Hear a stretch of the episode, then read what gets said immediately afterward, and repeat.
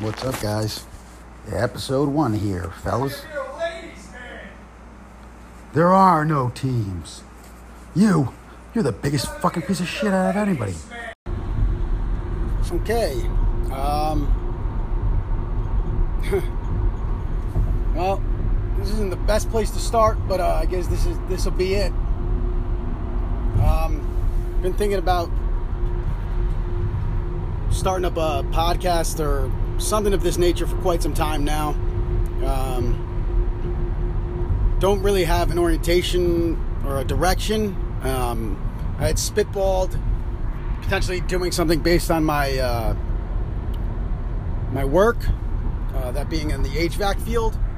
Um, ultimately, I'd like to just shoot the shit with whoever's willing to shoot the shit with me. That's been something I've enjoyed doing for as long as I can remember. Uh, on anything, you know. uh, I wish I had like a niche, but uh, I'm no expert. I just happen to have uh, little tidbits of information on a ton of different shit. Um, so hopefully this evolves into something.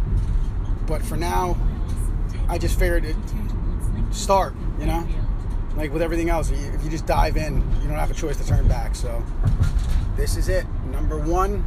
Um, I guess I'll come back on later and add, or maybe when I get home from work, I'll throw something else up. I don't know. We'll see. I, I highly doubt anybody's even going to hear this initial one, but uh, at least it started.